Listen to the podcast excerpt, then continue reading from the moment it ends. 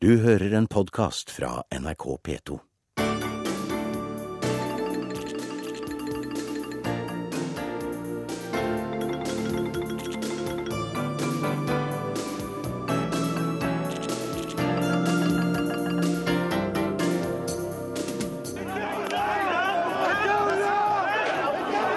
I natt var det harde sammenstøyt mellom tilhengere og motstandere av det muslimske brorskapet. Rakner det nå for Egypts nye president Mohammed Morsi? Ei 14 år gammel jente svever mellom liv og død. Pakistanske skriftlærde har utstedt en fatwa mot, mot Taliban etter drapsforsøket. Michelle, I love you so much. Halve USA mener dette høres falskt ut, medan andre halvparten tror på Obama. Vi forklarer hvorfor det er slik. Og også i år er Nobels fredspris omstridt. I Brussel jubler de, men i resten av Europa rister de på hovedet. Dette er Verden på lørdag, i studio Roger Sevrin Bruland.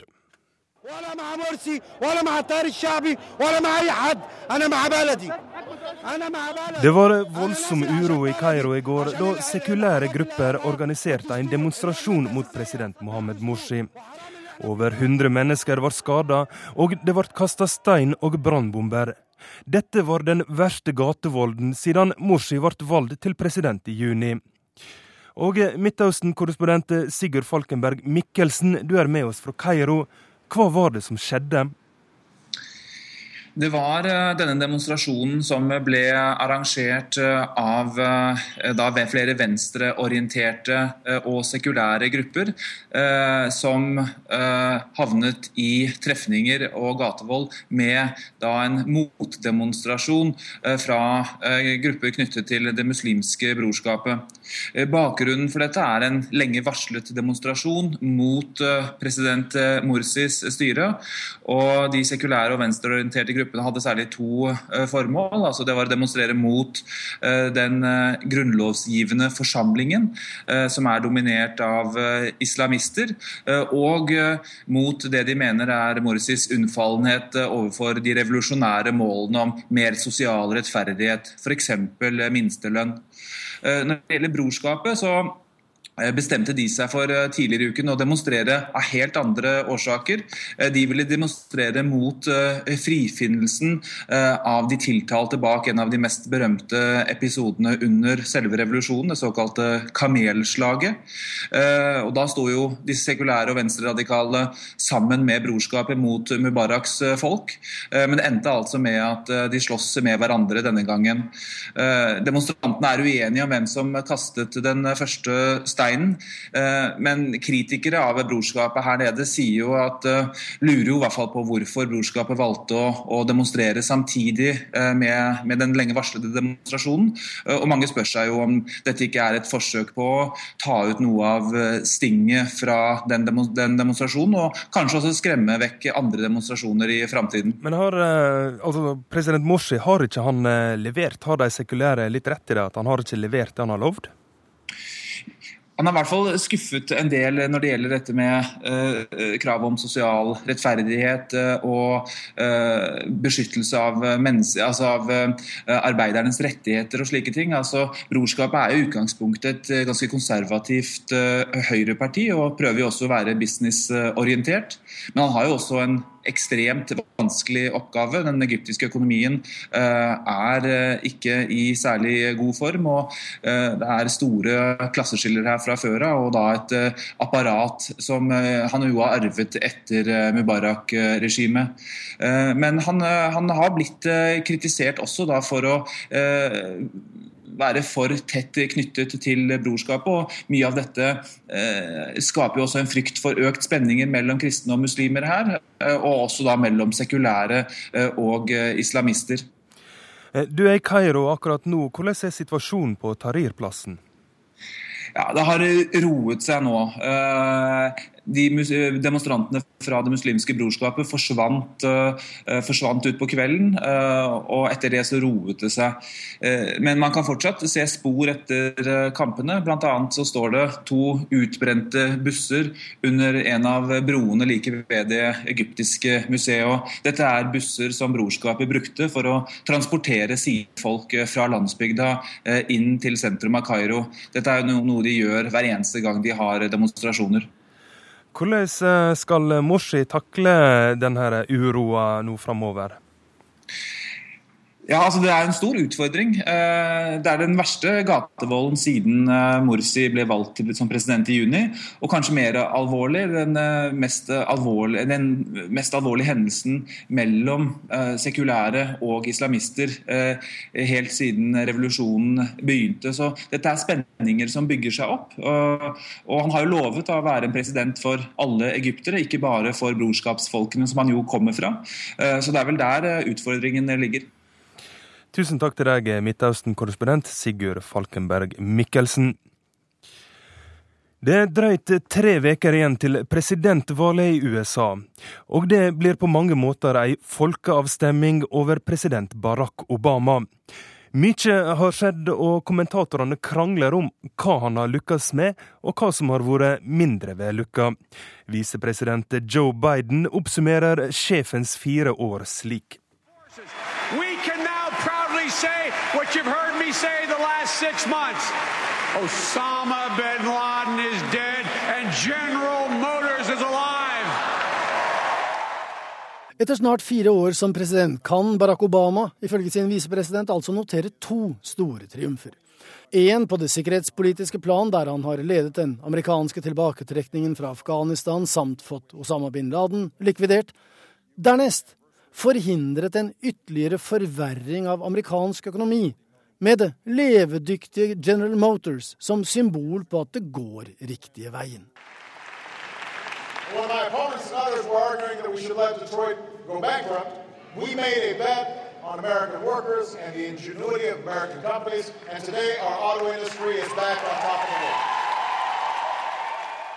En klar vinner, med andre ord.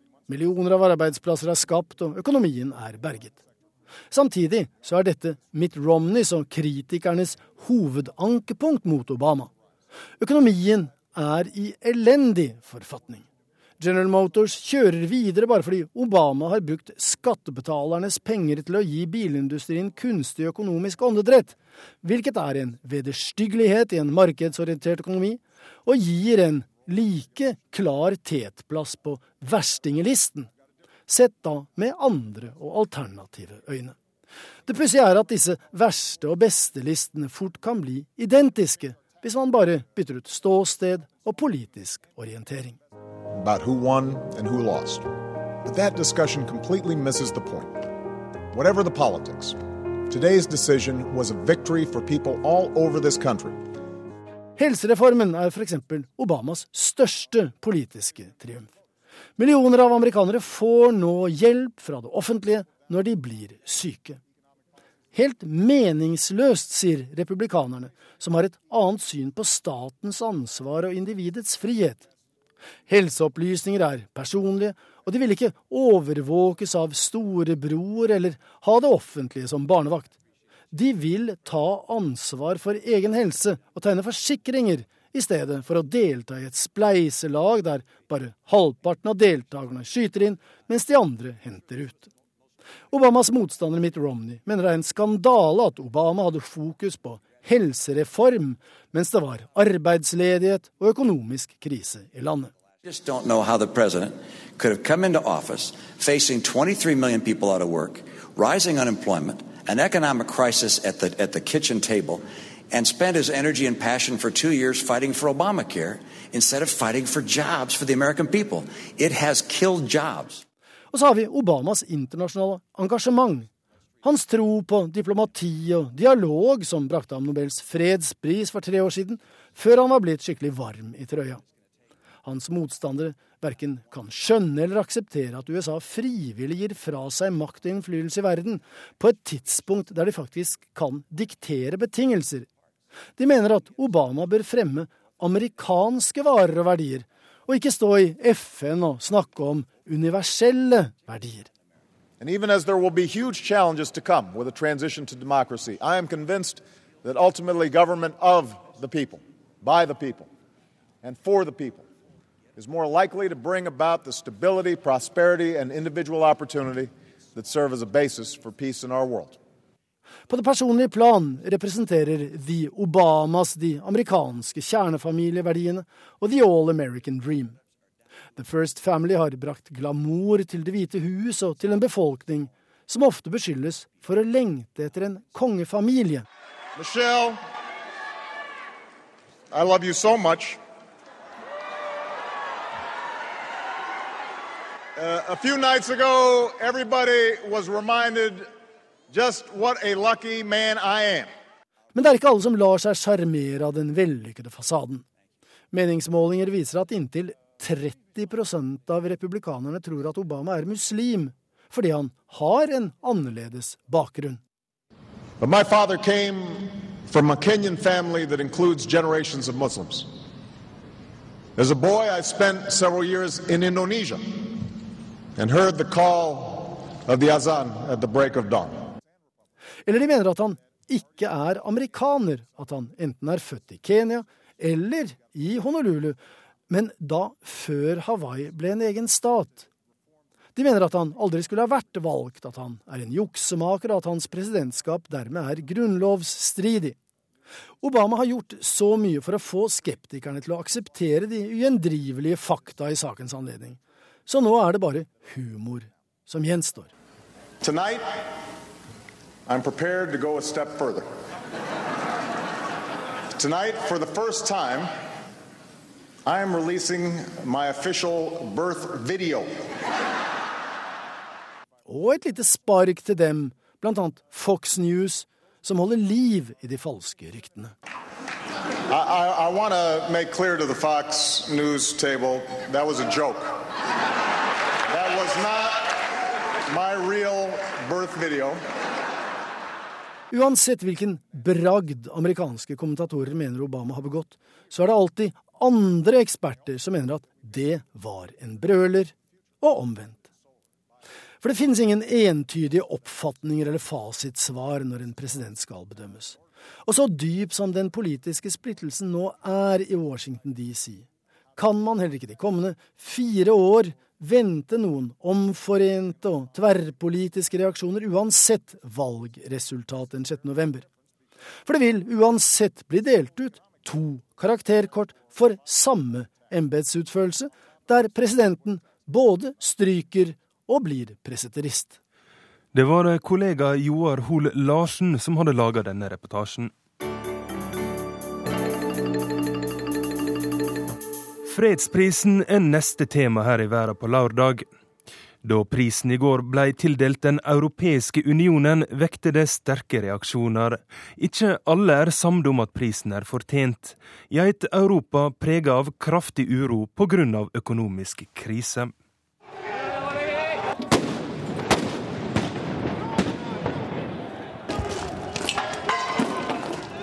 Tåregassen ligger tung over gatene i Aten.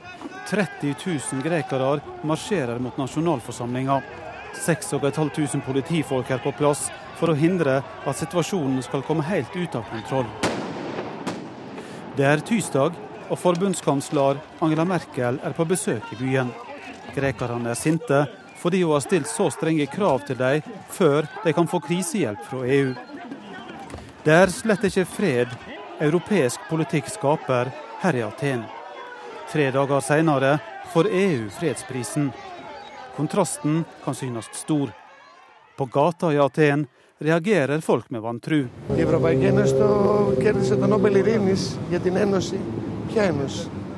Er EU tildelt fredsprisen for samhold? Hva slags samhold, spør denne mannen.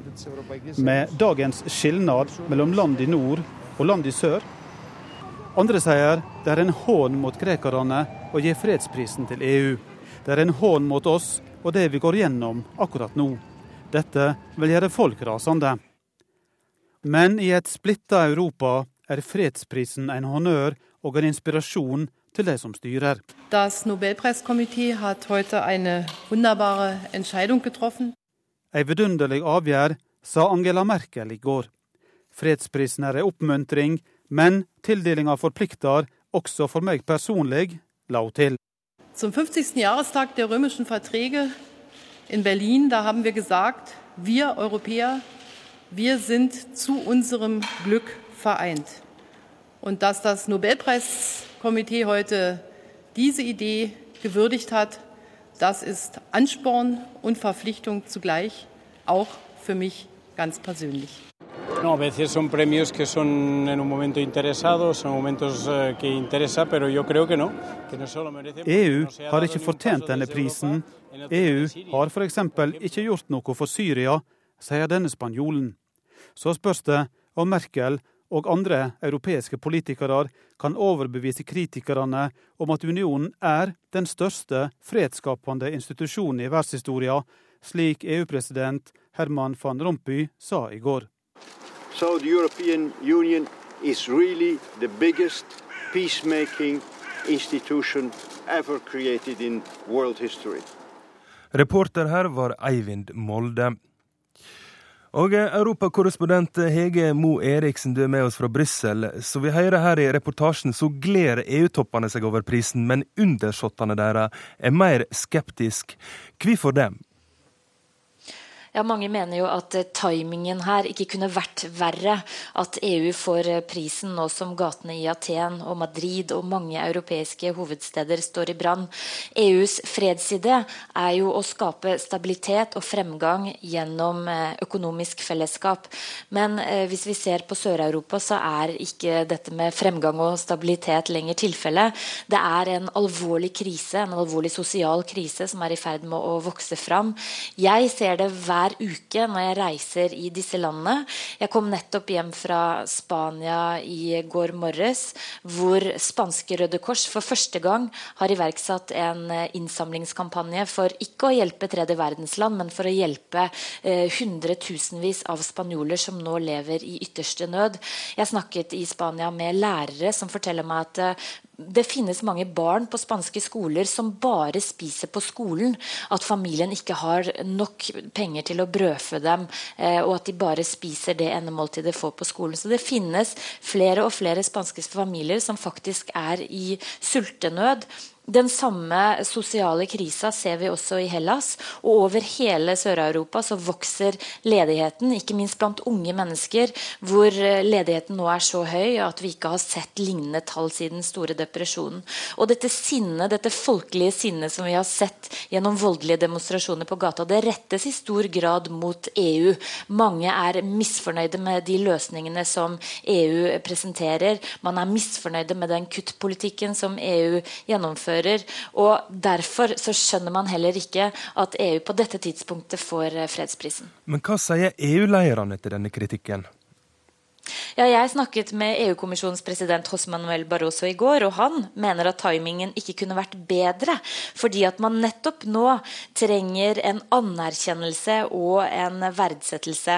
Han mener at EUs bragd ligger i å ha skapt fred gjennom 60 år i Europa, at EU er noe dyrebart som man må verdsette.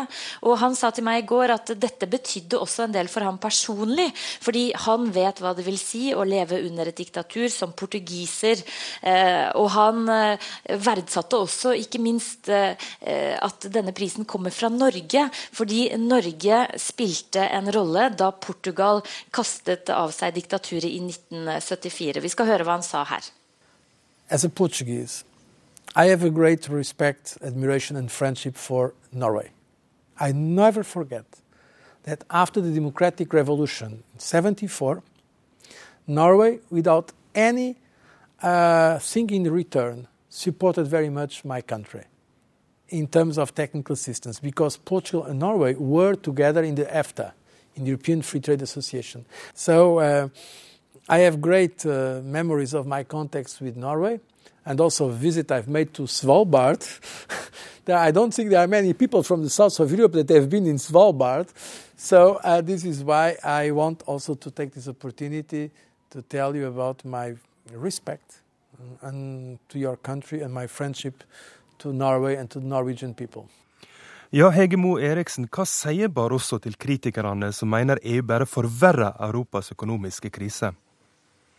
Ja, Barroso mener jo at EU ikke er skyld i denne krisa. At det er en krise skapt av grådige banker og sløsing i enkelte medlemsland.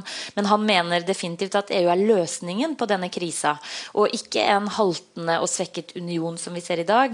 Barroso vil ha en sterk union, en type Europas forente stater på lik linje med USA. Så det er Barrosos fremtidsvisjon, og slik mener han at krisa i Europa kan løses. Det er det veldig mange som er uenig med han i. Eh, mange mener mange vil ha mindre Europa, vil bygge ned samarbeidet. Og eh, nasjonalistiske krefter som har vind i seilene, vil også kvitte seg med euroen. Og akkurat nå så er situasjonen såpass uoversiktlig, såpass urolig, at det er svært få som tør å spå helt hvor eh, veien går videre. Men neste uke så er det nok et toppmøte her i Brussel. Da får vi kanskje noen flere svar da. Tusen takk til deg, europakorrespondent Hege Mo Eriksen. Denn die Idee und die Bewegung sind Lebensausdruck unseres Volkes und damit ein Symbol des Ewigen. Es lebe die nationalsozialistische Bewegung. Es lebe Deutschland! The full suffering in World War II demonstrated the need for a new Europe. The stabilizing part played by the European Union has helped to transform most of Europe from a continent of war to a continent of peace. Ja, Velkommen til deg, professor Iver Neumann. Eh, vi hørte først her Adolf Hitler tale til et entusiastisk publikum. Og så hørte vi Torbjørn Jagland fra i går eh, som drar linjene tilbake til andre verdenskrigen. Det er en fredspris med et visst format, dette her. Det kan man jo si. Og eh, reportasjene man har kjørt så langt, har dreid seg om dagen og gårsdagen. Men hvis man ser dette i et hundreårsperspektiv, så er det jo faktisk et godt grunnlag for å gi denne prisen tanken om eh, en type fredsordning i Europa går tilbake til 1700-tallet, hvor en rekke fremstående, særlig franske, men også andre intellektuelle snakket om en fredsordning. Altså man kunne bygge en europeisk republikk. Eh, I mellomkrigstiden så var det flere bevegelser som jobbet hardt på for dette. Og eh, da det så gikk aldeles galt i 39 før, så, mm, så kom endog Churchill på banen og snakket om en europeisk føderasjon. Og Under den annen verdenskrig så var det tett samarbeid mellom motstandsbevegelsene, spesielt i Tyskland og Frankrike, og det var en viktig impuls for det som skulle bli eh, europeisk integrasjon, EEC, etter den annen verdenskrig. Og det var jo et prosjekt hvor tanken var å binde det økonomiske samarbeidet opp, slik at det skulle bli umulig å få tilgang på de viktigste faktorene for å lage våpenindustri og, og faenskap, nemlig kull og stål, etter eh, annen verdenskrig. Så i den forstand så er det aldeles riktig at EU er et fredsprosjekt. Vi hører jo her eh, Barroso, som kom fra et eh, slags fascistdiktatur. Eh, har EU virka som ei motgift mot fascisme etter andre verdenskrig?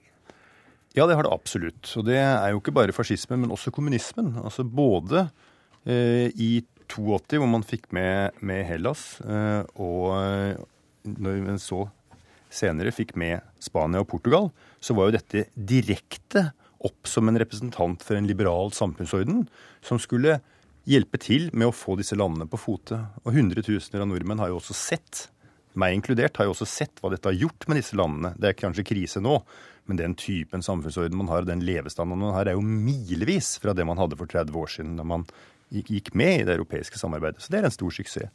Og så er det jo en enorm suksess på 90-tallet, hvor man altså først og fremst pga. EU, klarte å få en overgang fra den kalde krigen til en ny orden, hvor det ikke ble krig. Det er en kjempeinnsats. Det tar vi for gitt, fordi vi merker oss ikke ved det når, når, når, gærne ting ikke skjer. Men det er faktisk en kjempegreie. Så om EU hadde fått fredsprisen i 1996 eller 1999, så syns jeg det ville vært aldeles på sin plass. Men hva syns du om at EU eh, får prisen i 2012? Altså, dette er den tredje prisen som deles ut under den nye eh, ledelsen i Nobelkomiteen. Og Den første gikk altså til en president som ennå ikke hadde gjort noe i USA, verdens mektigste stat. Deretter gikk den andre prisen, var en smekk på fingrene til ledelsen i verdens next, mest mektigste stat. Og nå skal altså verdens tredje mektigste politiske enhet, nemlig EU, få prisen. Er ikke dette litt pussig? Hva blir det neste? Er det India som står for tur neste gang, og blir det en dissident, eller blir det regjeringen? Men hva syns du om at eh, prisen går til EU? Altså EU er en verdig mottaker. Timingen er jo litt spesiell. Og da tenker jeg ikke bare på at det er krise i Europa, fordi Fredsprisen gis jo ofte der hvor det er uro. Men jeg tenker på at uh, det er jo så lite spennende bruk av en fredspris å gi den til store maktblokker og godt uh, etablerte organisasjoner som Amnesty International og Røde Kors. Kunne man ikke gitt det til Pussy Riot da, eller et eller annet uh, tiltak som holder på å få fred på andre måter, og skape litt dynamikk med denne prisen? Ikke bare feire det beståendes fantastiske egenskaper. Tusen takk til deg, eh, professor eh, Iver eh, Neumann.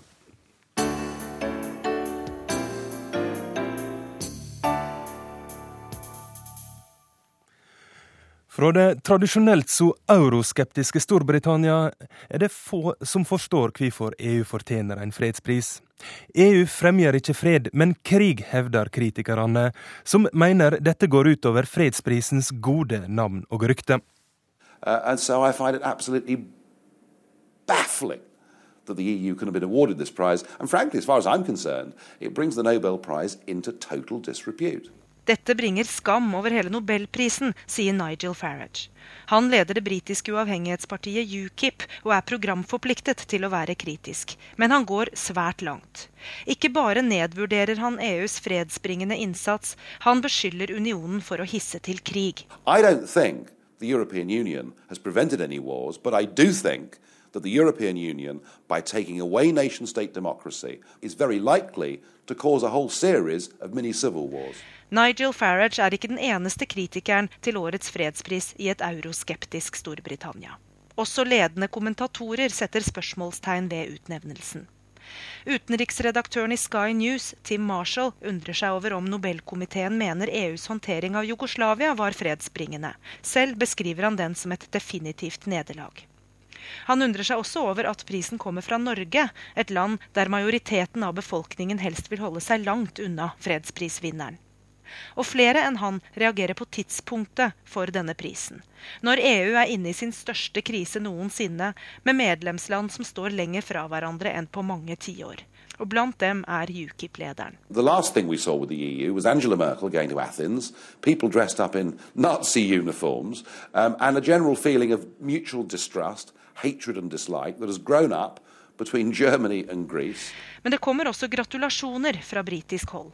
Bl.a. fra tidligere statsminister Tony Blair, som har hintet offentlig om at han muligens kunne tenke seg jobben som EU-president en gang. Fra Utenriksdepartementet kommer det ingen gratulasjon, men en oppfordring til EU om at unionen, og jeg siterer, alltid må strebe etter å bevare og styrke fredsfremmende prestasjoner for framtida. Sitat slutt. Det mener Nigel Farage at EU ikke har vært særlig gode på fram til nå heller. Han mener Nato og ikke EU er organisasjonen som har virket stabiliserende i Europa. What kept the peace in Europe, as far as the Soviet threat was concerned, wasn't the European Union, which in fact wasn't fully developed until 1992. It was NATO. Men ett positivt poeng klarer Farage å få ut av gårsdagens fredsprisutnevnelse.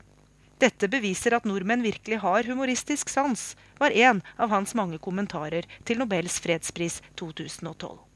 Det var Gry Blekastad Almås som rapporterte fra London. Og eh, nå skal jeg til EUs eh, e østflanke, nærere sagt Budapest, der jeg har med meg Hans-Wilhelm Steinfeld på telefon. Og her har det også kommet litt eh, kritikk. Tidligere fredsprisvinner Lech Walesa mener fredsprisen burde gå til aktivister som risikerer livet, og ikke store byråkratier. Hvorfor det? Treffer nok Lech Valenza egentlig det som er hovedstrømningen blant liberale menneskerettighetsforkjempere i Øst-Europa. Og I går, eh, da denne prisen ble forkynt, satt jo de to fremste russiske kandidatene på mitt kontor i Moskva. Det var Helsingforskomiteens leder eh, Ljudmila Aleksejeva og Memorials eh, fremtredende leder, som heter Svetlana Ganushkina. Og De fremholder at en fredspris til akkurat den gruppen Lervavensa, eller Valesa som vi sier på norsk, eh, understreket eh, kunne fått prisen, ville påvirket menneskerettighetsprosessene i land som Hviterussland og Russland, Ukraina, der det er under press.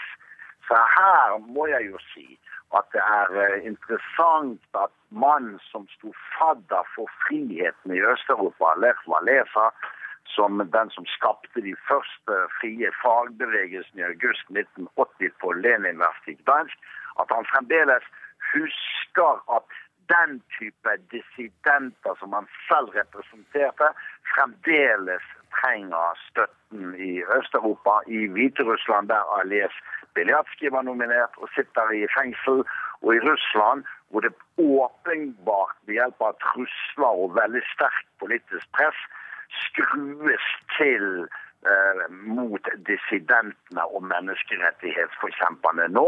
Så det er nok Lech Walesa som målbærer det klassiske østeuropeiske menneskerettighetssynet, eh, som også råder særlig på venstresiden og blant liberale her i den ungarske hovedstaden Budapest, hvor jeg er nå.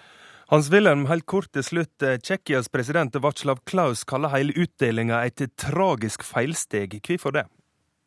Det er nok litt i tråd med det vi hørte fra London, at den mer uh, outrerte høyresiden, også her i de nye EU-statene fra 2004 i Øst-Europa, de er EU-fiendtlige. Jobbik-partiet, de beste her i Ungarn, vil nok eh, reagere litt på samme måte. Nasjonalistene i Øst-Europa, som står til høyre for normale konservative, de er EU-fiendtlige. Og det er jo Václav Klaus veldig beryktet eller berømt for å, eh, for å mene. Slik at uh, her er det nok den mer nasjonalistiske høyresiden som um, harselerer over fredsprisen, mens liberale mennesker i Øst-Europa jo ser EU som viktig. Selv Ungarns statsminister Viktor Orban sa i mars til um, Torbjørn Jagland at han skjønner han må endre den kritiserte lovgivningen som er autoritær her i Ungarn fordi EU setter ham under press, og disse østeuropeiske statene de trenger EU selv i den krisesituasjonen som er nå. Og kanskje særlig derfor, selv om både Ungarn og Polen står utenfor eurosamarbeidet, ehm, så er det klart at det er ingen vei tilbake til en tilværelse utenfor EU, slik overveiende befolkningen tenker her i Øst-Europa. Tusen takk til deg, Hans-Wilhelm Steinfeld fra Budapest.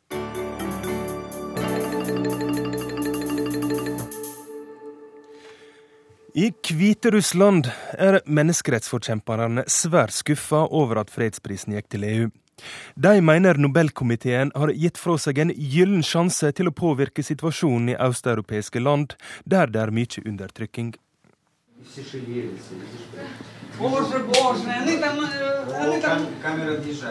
I lokalene til den hviterussiske menneskerettsorganisasjonen Vjesna, eller Våren på norsk, er det en spent og forventningsfull stemning. Det er bare noen minutter igjen til det offentliggjøres hvem som får Nobels fredspris. Aktivistene her håper veldig at deres fengslede leder, Ales Biljatski, skal få prisen. Biljatski har sonet sju måneder av en dom på fire år for ikke å ha betalt skatt av penger som EU og andre har gitt til menneskerettsorganisasjonen. Hviterussiske myndigheter mener at pengene var hans personlige inntekt, noe Biljatski avviser. I det øyeblikket det blir klart at EU får årets fredspris, er skuffelsen stor.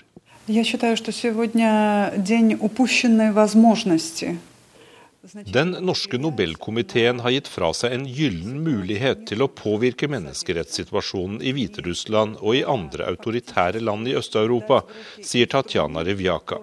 Hun er en av to som leder organisasjonen Vjesna, mens Aljes Beljatski sitter fengslet.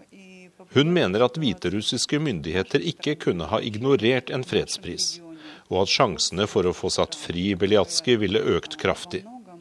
Det ville også blitt mye vanskeligere å sperre inne nye politiske fanger etter en fredspris, sier Revjaka.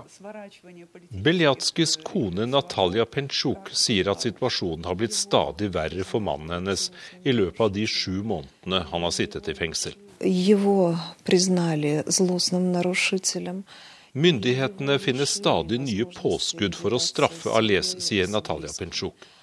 De tar fra han matpakkene som hun og andre sender til fengselet.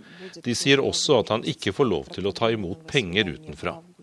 Dermed får han ikke annet enn den elendige fengselsmaten, påpeker kona.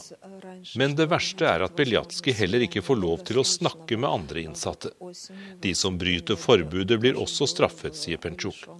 Hun understreker at Beljatskij er under et svært hardt psykisk press, og at han ikke har fått møte kona eller annen familie siden i mai. Både Beljatskij og andre politiske fanger i Hviterussland ville trolig fått det mye bedre hvis Nobels fredspris hadde gått til menneskerettsforkjempere i Øst-Europa istedenfor til EU, sier Natalia Pensjuk i Minsk. Det var kollega Jan Espen Kruse som rapporterte fra Minsk.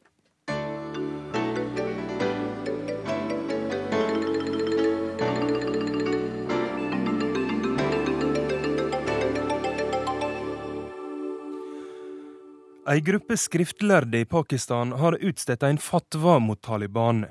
Mange er sinte etter at geriljaen angrep ei 14 år gammel jente som var på vei hjem fra skolen.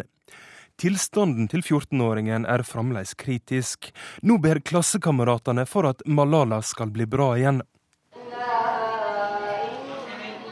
Hendene er foldet i bønn, og på pultene i det lille klasserommet i Peshawar brenner et hvitt stearinlys.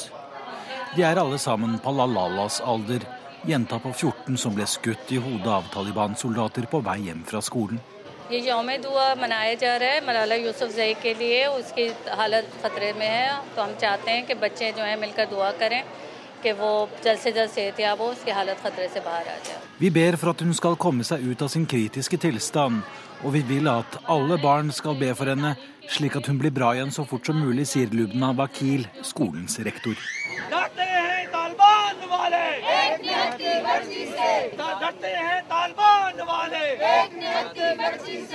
Drapsforsøket på Malala Yousufzai har mobilisert en hel befolkning.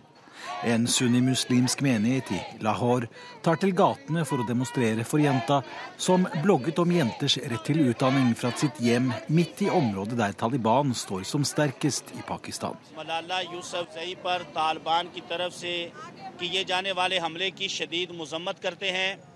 Og hum hukumet Pakistan se ye mutalba karte hain vi fordømmer angrepet, og vi krever at regjeringen pågriper og straffer angriperne, sier Mujahid Rasul, sjefen i menigheten. En stor gruppe kvinner roper slagord og bærer plakater med påskriften 'Angrepet på Malala er barbarisk', og 'Malala er et ikon for modighet'.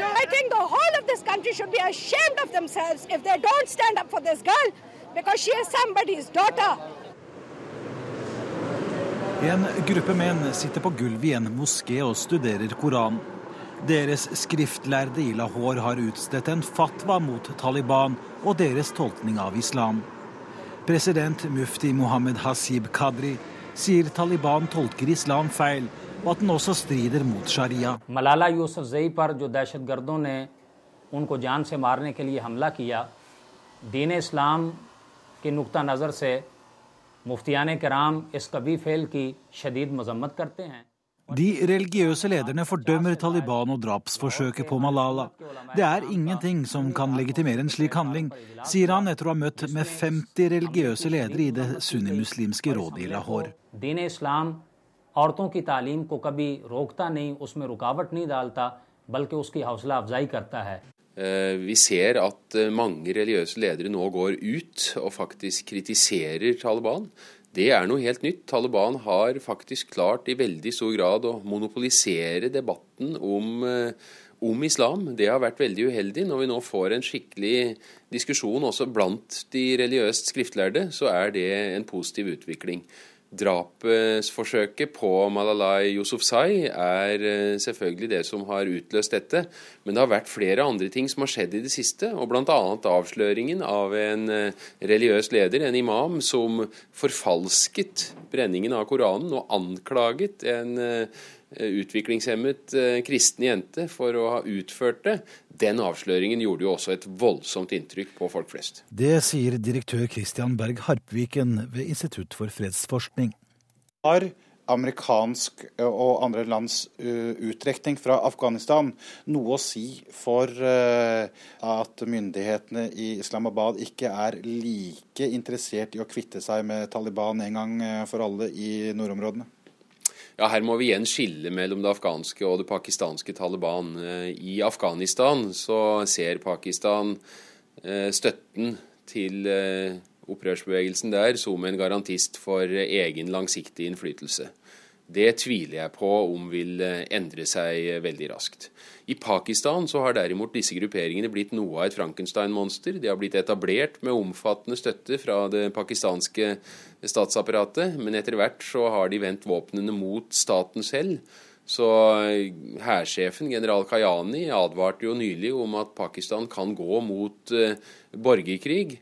Og Klarer man nå å komme videre med den positive dialogen som Pakistan har med India, så kan det også love godt for at eh, sikkerhetsapparatet vil til slutt være villig til å kutte båndene til de radikale grupperingene. Er Malala, drapsforsøket på henne, det som skal til for å vippe dette over? Ingen tvil om at den voldsomme populære reaksjonen og reaksjonen innenfor de religiøse nettverkene mot drapsforsøket på Malala Yousufzai, det, er, det styrker hånden til de som ønsker at de radikale grupperingene skal få mindre spillerom. Den hardt skadde jenta er brakt til et militærsykehus. Taliban-soldatene kom inn på skolebussen, skjøt henne i hodet og såret også to av hennes venninner. Angrepet har rystet FNs generalsekretær Ban Ki-moon, sier hans talsmann Martin Nesirki. Uh, like so many other people in Pakistan and around the world, uh, he's uh, truly uh, outraged by this uh, attack. And I can tell you, to show his uh, support, he's uh, writing to the family of uh, Malala Yousafzai, the 14 year old girl who was seriously wounded in the attack that targeted her specifically for her campaigning for education. And we would expect a, a formal statement on this a little bit later. På skoleporten der Malala gikk, er det noen som har sprayet påskriften I love you. Reporter Øyvind Nyborg.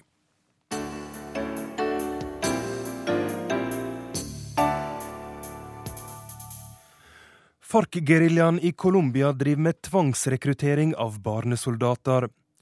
Neste veke kommer representanter for geriljaen og styresmaktene for å forhandle om en fredsavtale for å få slutt på den nesten 50 år lange krigen. Daniel er en av mange som er tvinga til å bli soldat for FARC-geriljaen, da han var 13 år gammel.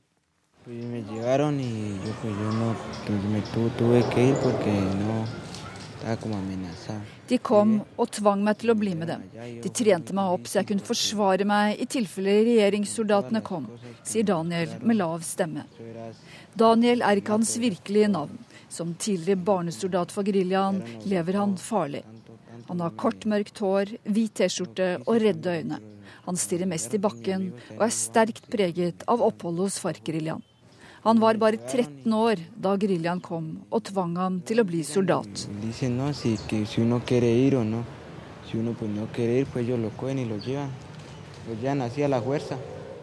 Når de kommer, har man ikke noe valg. Den som ikke vil bli med, blir bortført uansett. Og man kan ikke gjøre noe eller protestere.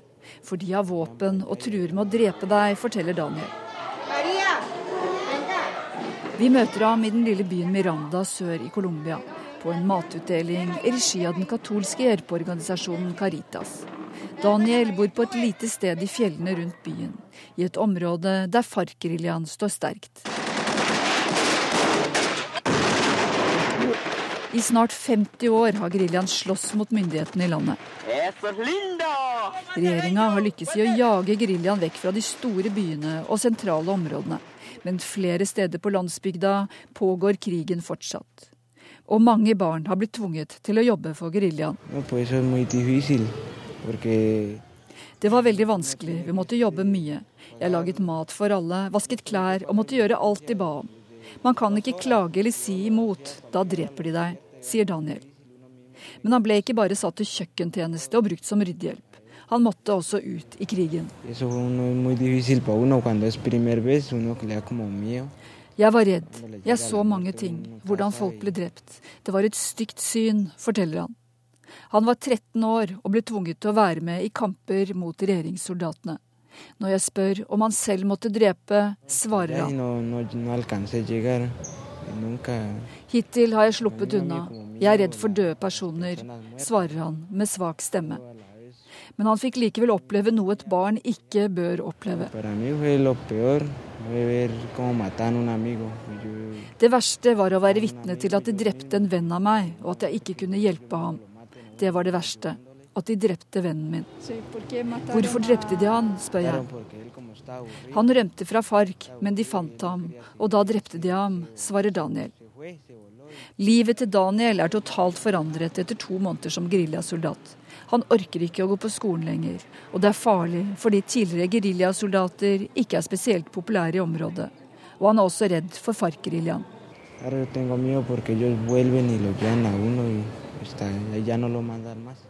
Nå kan jeg nesten aldri gå ut eller vise meg i byen i tilfelle FARC ser meg.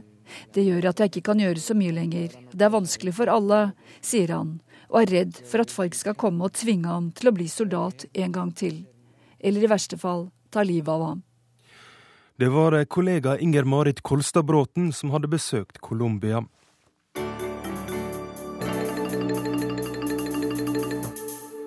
I korrespondentbrevet tar Jon Gelius, Gelius oss med til Venezuela. Vår korrespondent følgde presidentvalget på nært hold, og vi skal høre om eh, hvordan det gikk i Chávez land. Jeg har aldri vært særlig høydesterk. Det kan tidvis by på utfordringer, som i forrige uke da jeg var på reportasjereise i Venezuelas hovedstad Caracas. Alt skjedde så fort. Min innleide tolk hadde gjort avtale med et intervjuobjekt om å møtes i sentrum. Vi møttes på det jeg trodde var en T-banestasjon, men plutselig befant jeg meg svevende mellom himmel og jord. I en gondolbane oppover dalsiden mot Caracas sitt bytak.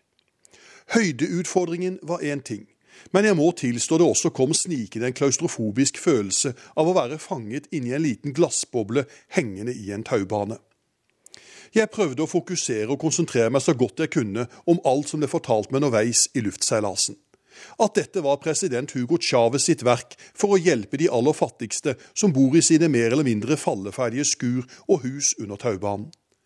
Presidenten ville gi dem lettere tilgang til bykjernen og inkludere dem i storsamfunnet ved å fire dem opp og ned i en taubane. Jeg merket det gynget, og regn begynte å tromme intenst på vindusrutene. Og sannelig hørte jeg ikke også et tordenskrall. Vi kom oss opp til første stasjon, og jeg gjorde tegn til å stige av denne luftige farkosten. Mitt intervjuobjekt mente neste høydedrag ville gi et enda bedre utsyn, men jeg var allerede steget ut av glassboblen. Ikke før var vi kommet ut i denne metallbygde stasjonsbygningen på denne høydetoppen, så smalt det så kraftig at jeg hoppet høyt. Et lyn hadde slått ned i konstruksjonen i all sin kraft. En ansatt kom løpende med walkietalkie og snakket febrilsk med noen i avgangshallen langt der nede i dalbunnen. Mens regnet høljet ned og tordenuværet raste rundt oss, kom meldingen gjennom høyttalere om at taubanen var stengt. Vi var uten mulighet for å bevege oss noe sted strandet på et av Caracas høydedrag. Uværet tiltok i styrke. Gjennom den delvis åpne metallkonstruksjonen kom det vindkast som ga kuldegysninger. Så smalt det igjen. For andre gang på få minutter hadde lynet slått ned i bygningen vi befant oss. Jeg innrømmer det gjerne, jeg var redd. Etter 45 pinefulle minutter ga uværet seg og vi kunne bevege oss utendørs for å skue utover Caracas og gjøre intervjuet vi var kommet for. Gråværet hang fortsatt i dalsiden da vi entret gondolbanen for å ta oss ned igjen til sentrum.